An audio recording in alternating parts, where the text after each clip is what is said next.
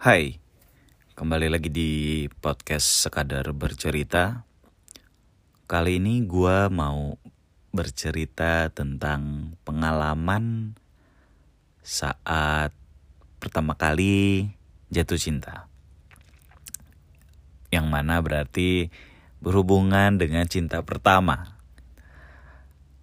Bagi gue ini hal yang lucu karena cukup menarik ngebahas tentang cinta pertama yang dirasakan oleh orang-orang gitu. Karena tiap orang pasti memiliki pengalaman yang berbeda. Kayaknya nggak ada yang sama kali ya. Mirip-mirip mungkin, tapi pasti nggak ada yang sama gitu. Karena tiap orang kan berbeda ya. Kalau gue pribadi, gue merasakan namanya jatuh cinta itu di kelas 3 SD. Cukup muda. Berarti masih sekitar umur berapa ya? 10 tahun mungkin ya kalau 3 SD tuh gua suka dengan perempuan yang menjadi teman sekelas gua. Kami temenan itu dari kelas 1 SD kami atau mungkin di TK yang sama ya itu hal yang agak lupa tuh gua tapi gue sekelas sama dia sejak satu SD. Tapi mulai jatuh cinta sama dia itu kelas 3 SD. Alasannya apa? Nggak tahu. Entah gue nggak ingat atau gue nggak tahu ya. Karena gimana ya temenan dari kecil, terus tiba-tiba jadi suka gitu. Itu suatu perasaan yang agak-agak hmm, gimana ya? Nggak bisa ditebak ya kan? Gua sama dia itu sering main bareng gitu. Sama dengan teman-teman yang lain walaupun lebih sering main sama teman-teman yang cowok ya. Tapi gue dari kecil suka bermain sama teman yang perempuan juga gitu. Jadi gue suka main ke rumahnya juga. Ini namanya juga anak kecil sukanya main. Karena gue emang lebih sering mainnya gitu. Jadi sama ceweknya perlu gue sebut nggak ya namanya kayaknya nggak usah lah ya. Karena untuk menjaga privasi dia juga gitu. Tapi karena dulu masih kecil dan gue nggak tahu harus apa akhirnya ya gue cuma suka aja gitu. Udah udah suka aja sama dia dan saat itu nggak ada yang tahu. Cuma gue doang yang tahu. Cuma gue karena gue juga nggak pernah cerita sama yang lain. Nggak pernah gitu. Sayangnya uh, pertemanan satu sekolah kami itu berhenti sampai kelas 4 SD. Karena kelas 5 dia pindah ke Tangerang. Oh ya, uh, rumah gue di Jakarta Timur. SD gue deket, uh, hanya jalan kaki aja beberapa menit. Rumah perempuan ini lebih dekat lagi dari sekolah kami eh, SD kami itu. Jadi dia pindah ke Tangerang karena orang tuanya pindah ke sana. Entah uh, pindah pekerjaan atau memang pindah rumah. Jadi dia harus ikut. Uh, tapi karena neneknya tinggal di dekat situ juga, masih dekat dengan SD kami dan dekat dengan uh, rumah gua jadinya di weekend kadang kami suka ketemu kalau dia lagi ke sini gitu lagi ke rumah neneknya. Jadi sampai kelas 6 tuh kadang-kadang kami suka ketemu. SMP juga kadang-kadang masih suka ketemu gitu dan itu masih ada di perasaan gua gitu. Walaupun ketika SMP kelas 1 gua mulai suka sama eh nggak kayak SMP kelas 1 SMP kelas 2 gue suka dengan uh, perempuan lagi gitu. Um, ada beberapa perempuan yang gue sukain ada yang ketahuan karena gue curhat sama teman gue akhirnya dicengin. Bahkan dampaknya dari kami deket saat itu dampaknya kami malah jadi berjauhan gitu. Mungkin dia nggak nyaman dengan temen yang ternyata memendam rasa suka ke dia gitu. Padahal sebelumnya kami deket. Tapi akhirnya setelah itu kami nggak deket lagi karena karena ketahuan lah kalau gue suka sama dia. Terus ketika waktu kelas 3 SMP, uh, gue dengar kabar bahwa temen gue bukan bukan 3 SMP, kelas 2 akhir lah. Temen gue ada satu orang ini yang dia tuh tinggi gede, jago main musik, jago main bola, terus agak disegani ya karena badannya gede dia. Badannya juga tegap gitu. Untuk ukuran SMP tuh salah satu yang disegani lah gitu. Walaupun temannya nggak banyak-banyak banget. Temen malah masih banyak kan gua gitu. Nah si kawan ini cerita kalau dia suka ketemu sama si cinta pertama gue itu. Uh, agak-agak jealous lah ya tapi gue nggak bisa apa-apa gitu karena si kawan ini pun nggak tahu gue suka sama si perempuan ini kan. Sampai akhirnya mereka berdua ternyata pacaran. Ya udahlah gitu ya agak patah hati tapi ya udahlah Lalu di kelas 3 SMP, si kawan ini sekelas juga sama gua. Um, eh, itu kayaknya SMA deh. SMA atau SMP ya? Oh iya, enggak, itu SMA, salah. Gimana sih urutannya? Oh enggak, enggak, enggak. Iya bener-bener. Bukan SMP, bukan SMP. SMP tuh gue uh, kadang masih ketemu sama si perempuan ini karena dia masih suka ke week, uh, datang ke weekendnya. Eh datang ke weekendnya. Weekend datang ke rumah neneknya maksudnya itu. Jadi oh yang bikin patah hati adalah ketika gue lulus oh iya bener nih ini nih cerita ini bener. Yang tadi salah maaf. Ketika kami lulus SMP teman-teman SD gue tuh bikin reunian gitu. Bikin reunian Terus kami ngumpul di salah satu rumah teman kami di dekat rumah gue juga di dekat sekolah kami juga. Tapi ketika kami ketemu di sana, perempuan ini tuh pacaran sama salah satu temen SD kami itu teman sekelas yang uh, gue nggak deket sama sama si si cowok ini gitu karena nggak tahu ya mungkin kalau dulu mungkin mungkin karena dia menengah ke atas ya jadi agak sombong gitu. Buat gua dia agak sombong dan uh, gampang gampang baper. Jadi kalau misalkan bercanda bercanda yang kayak gini dia mau ngeledekin orang tapi kalau dia diledekin marah gitu. Dia mau bercandain orang tapi kalau dia dibecandain marah gitu. Jadi enggak um, dan mungkin dia juga ada ketidaksukaan ke gua gitu. Jadi gua nggak dekat sama si cowok ini gitu. Yang yang bikin gua agak patah hati adalah pertama karena dia pacaran sama orang lain. Yang kedua dia pacaran dengan uh, cowok yang nggak gue suka gitu. Tapi ya udahlah namanya namanya reuni harus have fun kan harus harus happy happy gitu. Kemudian beranjak SMA nah ini urutannya benar di kelas 2 SMA gue sekelas dengan si kawan ini kawan yang badannya tegap itu ya. Tapi emang dari SMP si kawan ini seperti itu perawakannya tinggi tegap gitu ya.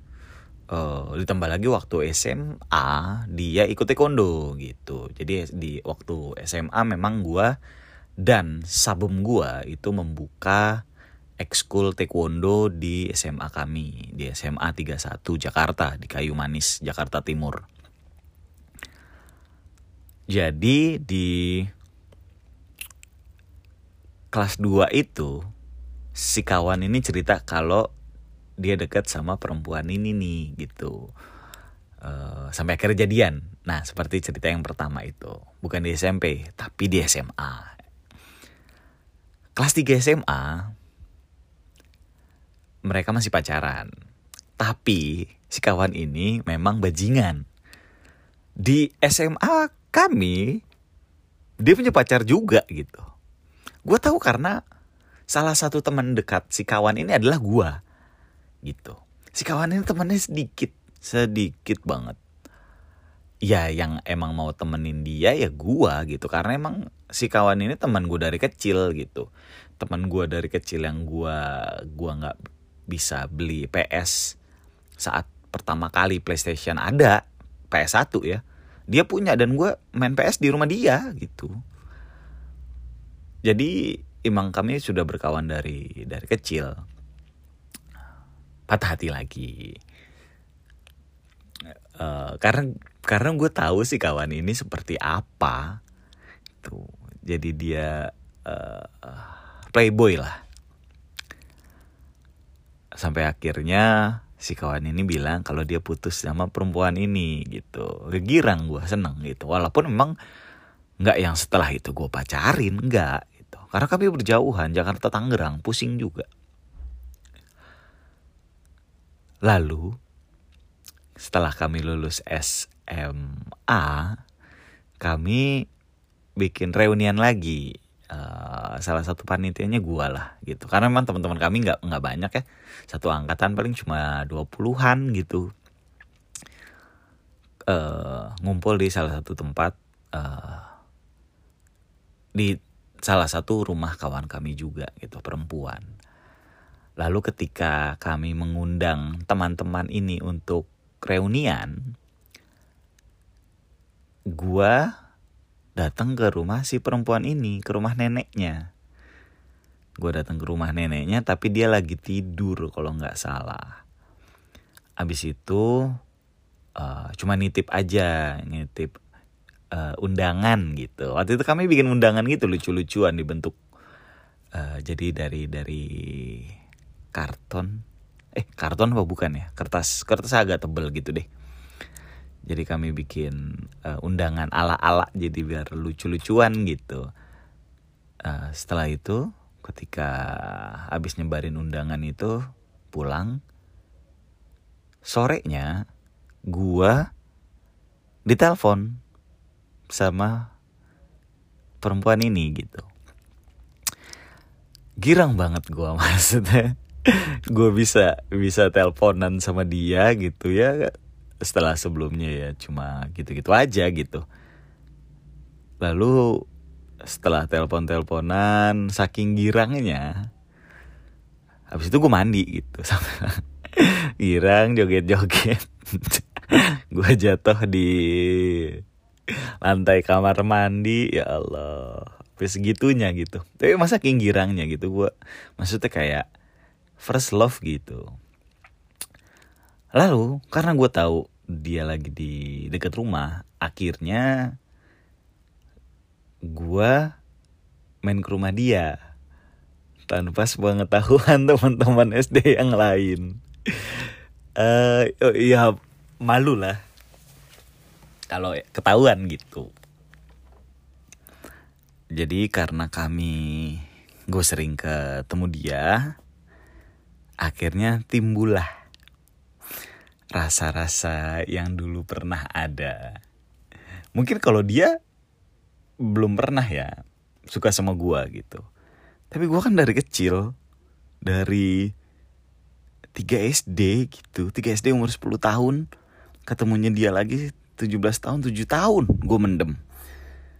Ah, gila kali gitu. Eh, lebih kali. Gak tahu deh berapa tahun. Gak tahu tujuh tahun lebih iya. Gue mendem perasaan itu uh, terus akhirnya gue beranikan diri untuk nembak dia gitu. Uh, eh, gue nembak dia jadi gue nembak dia malah di ruang tamu kawan ini kawan uh, uh, bukan kawan yang cowok ya kawan yang cewek yang akan jadi tuan rumah acara reunian nanti itu gitu. Gue kayak belutut gitu depan dia terus gue bilang uh, ah gue bilang apa ya? Tapi intinya adalah ah, gue tuh suka banget sama lo dari kecil. Lo lo tuh first love gue dan gue senang banget bisa ketemu lo lagi itu gue sayang gue sama lo gitu. Kayak gitu gitu lucu dah. Terus akhirnya gue bilang uh, ya gitu ya ya ya dalam tanda kutip nembak gitu.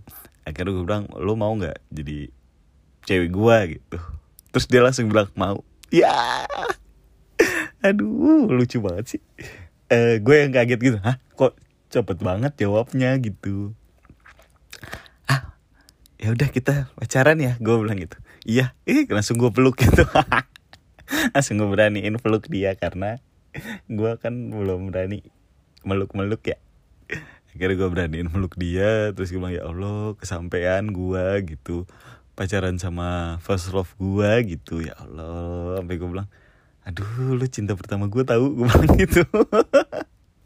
Kayak ada sesuatu yang relief gitu yang ah, anjir lah gitu akhirnya kesampaian. Uh, lalu kami pacaran uh, tiap hari ketemu lah gitu.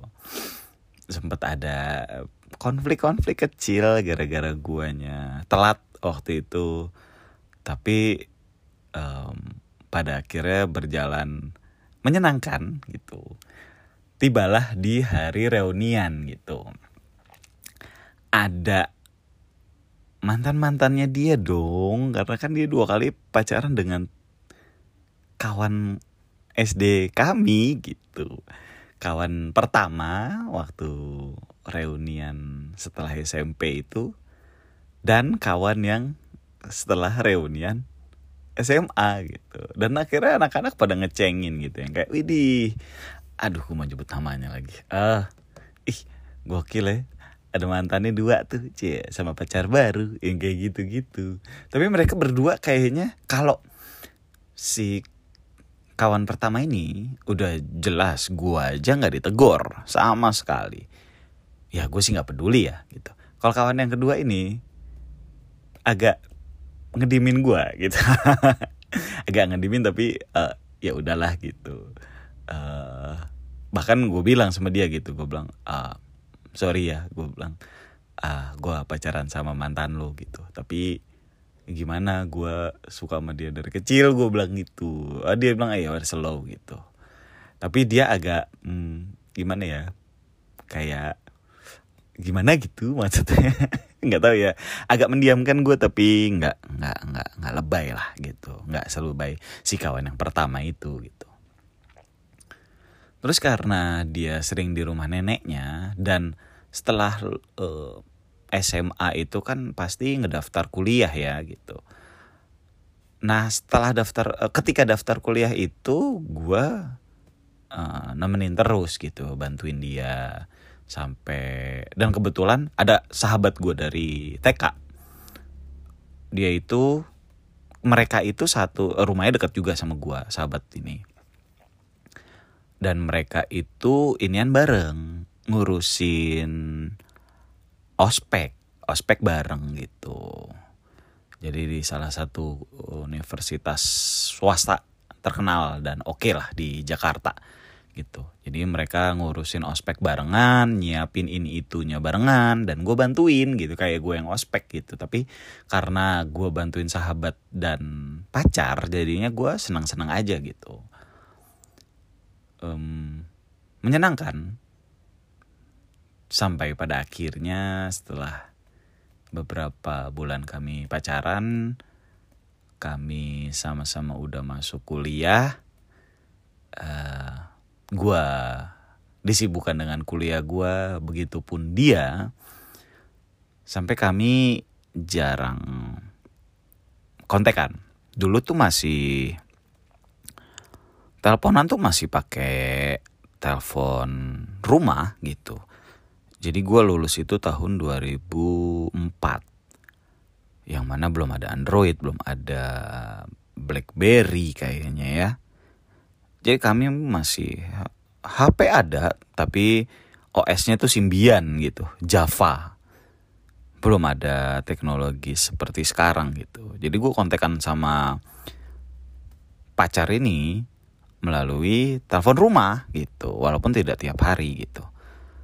Sampai pada akhirnya si pacar ini udah mulai susah untuk dihubungi karena tiap kali gue telepon dia dibilangnya nggak ada di rumah masih belum pulang. Ah lagi pergi. Yang kayak gitu-gitu alasannya. Dan akhirnya gue bingung gitu. Kenapa jadi kayak gini nih? Kok kayak ada yang aneh gitu? Dan gue gue cerita dengan sahabat gue gitu. Gue cerita sama sahabat gue karena rumah kami deketan tinggal jalan kaki aja dia main ke rumah.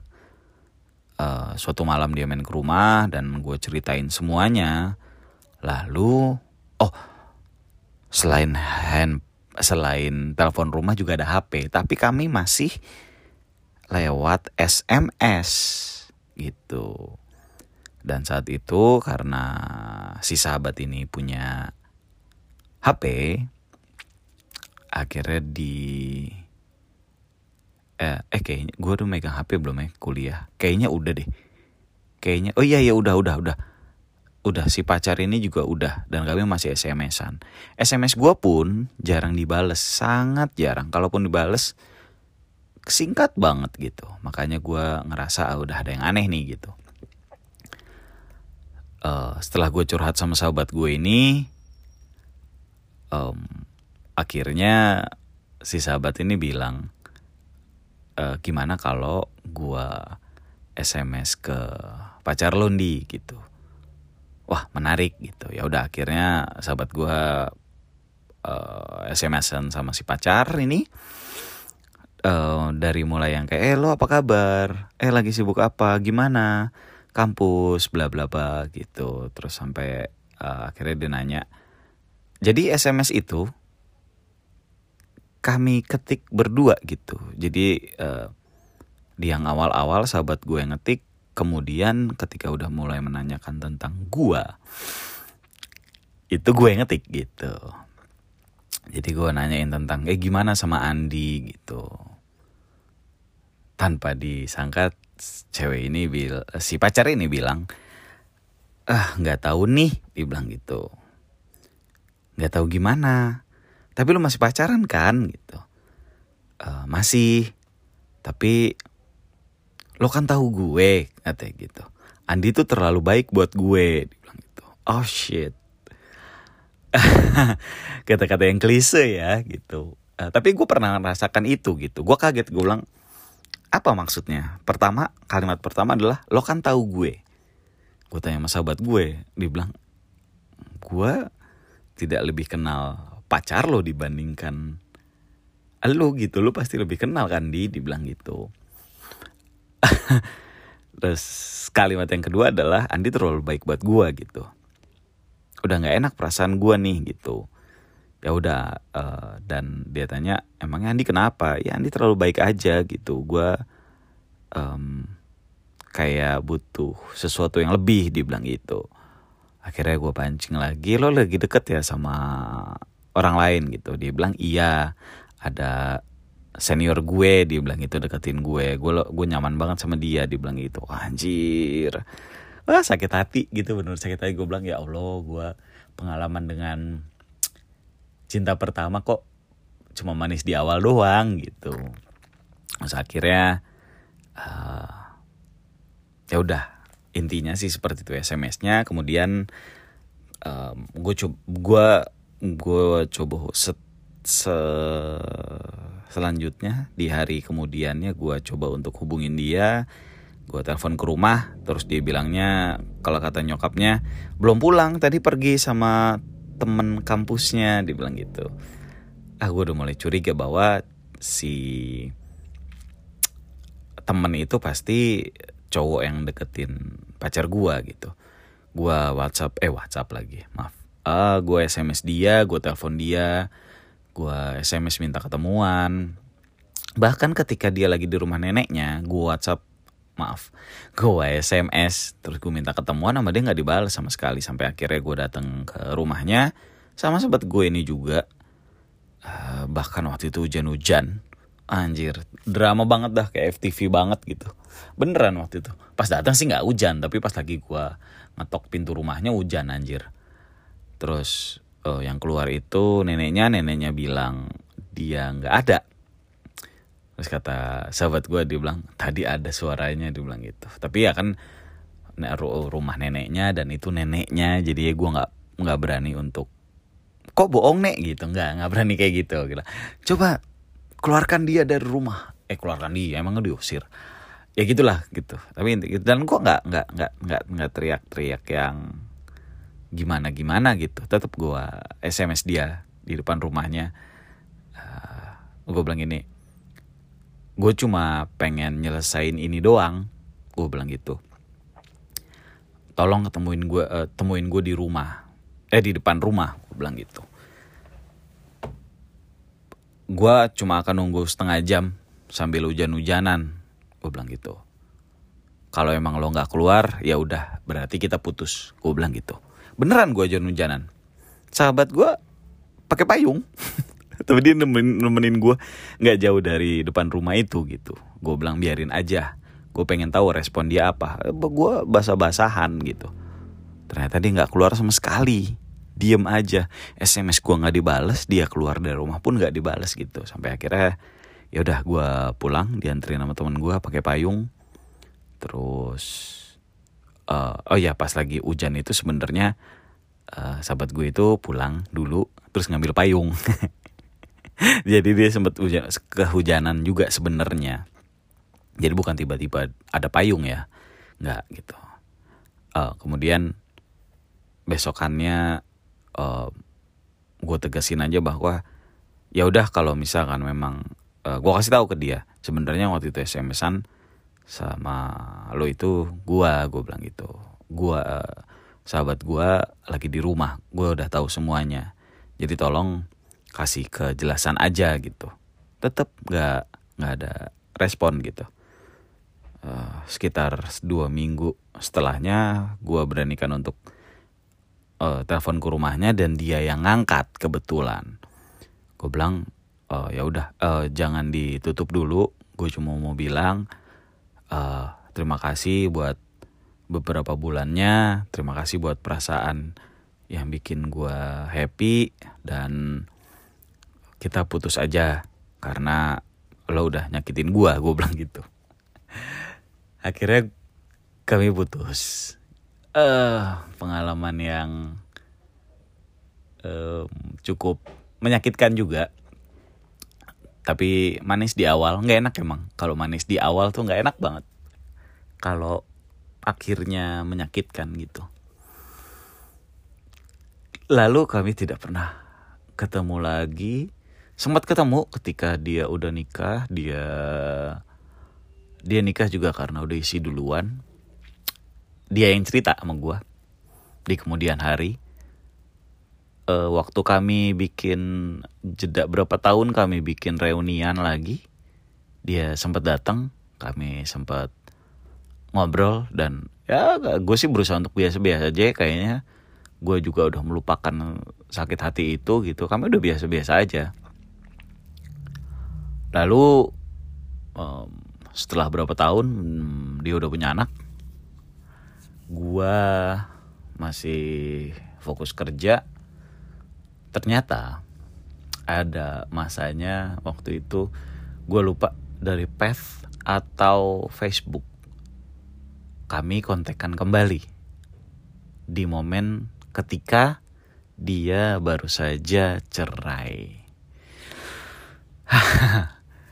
Kami kontekan lagi kami tukar nomor uh, handphone lagi gue lupa waktu itu apakah udah WhatsApp atau masih BBM gue lupa.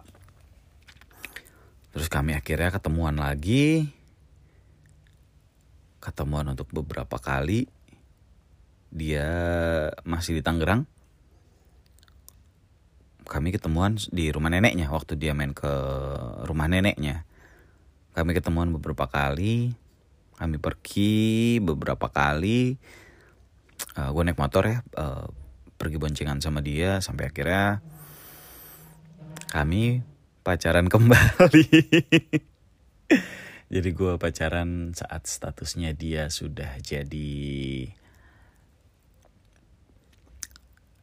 single mom beranak dua. Um, kami eh gue gue sempat ketemu sama anak-anaknya juga. Dia anak-anaknya deket sama gue juga gitu. Makanya ada ada masanya dulu. Ah lucu lah lucu lucu gitu. Tapi setelah itu ternyata nggak sampai setahun yang jadi kendala adalah suaminya dia atau mantan suaminya dia itu selingkuh secara terang-terangan. Bahkan ketika ketahuan dan dikonfrontir oleh si perempuan ini si suaminya tuh ya ya udah nggak ngelawan bukan nggak ngelawan ya ya dengan bangganya ya iya gitu. Gue gue selingkuh sama dia dibilang itu dia lebih baik dari lo gitu. Terus kasar juga dari segi omongan dan dari segi fisik. Tukang selingkuh wah uh, bahayalah ya nah yang jadi masalah adalah ketika gue sama dia semua hal yang dia takuti yang jadi trauma dia bebankan di gua gitu. Jadi apa pun yang gua lakuin, apa pun yang tidak gua lakuin selalu dikaitkan dengan mantan suaminya gitu.